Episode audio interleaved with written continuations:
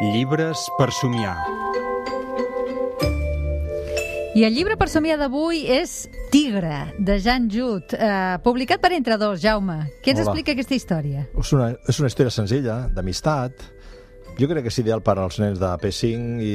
Oi, de I5, ara es diu I5, i de cicle inicial. És una història que comença, és la- l'amistat entre una senyora, la senyora Josefina, i un tigre. Dius, és una cosa estranya. A la portada veiem la portada fantàstica amb les lletres tigre, amb aquests dos colors, perquè és un tigre de Bengala. Això és important. I a primer pla tenim aquí un tigre ben, ben puntejat i fantàstic i ben trempat.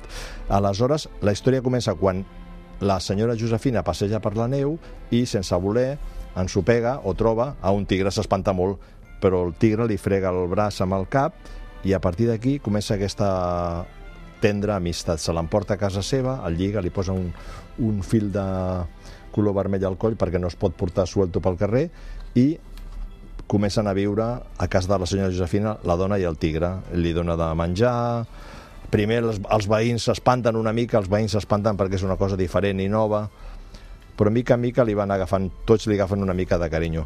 A la dona li va molt bé perquè quan entra a la botiga tothom s'espanta i ella diu, pues mira, serem els primers avui de comprar a, a l'escola.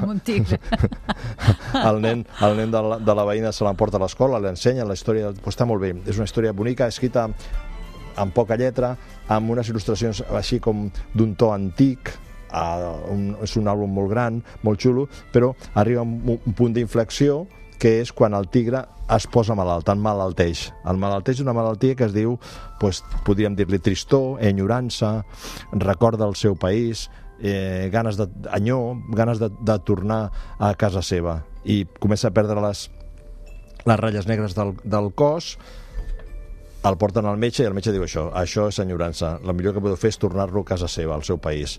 I aleshores la senyora Josefina compra tres bitllets, dos d'anada a la Índia i un de tornada.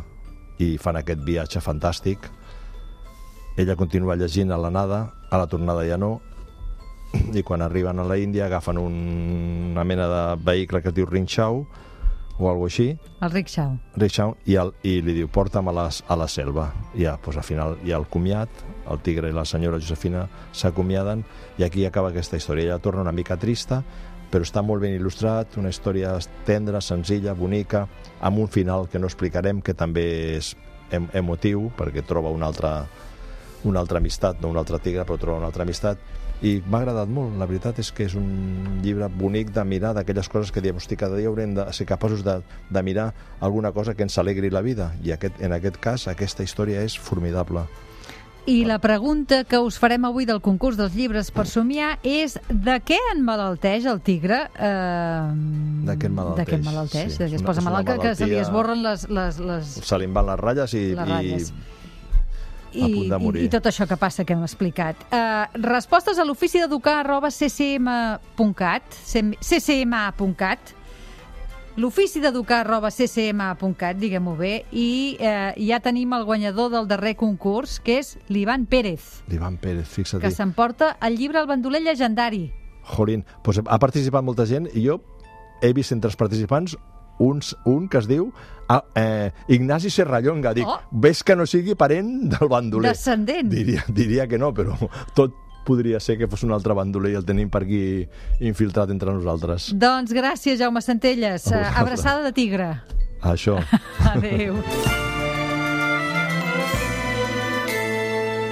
L'esforç pel que m'agrada m'emociona.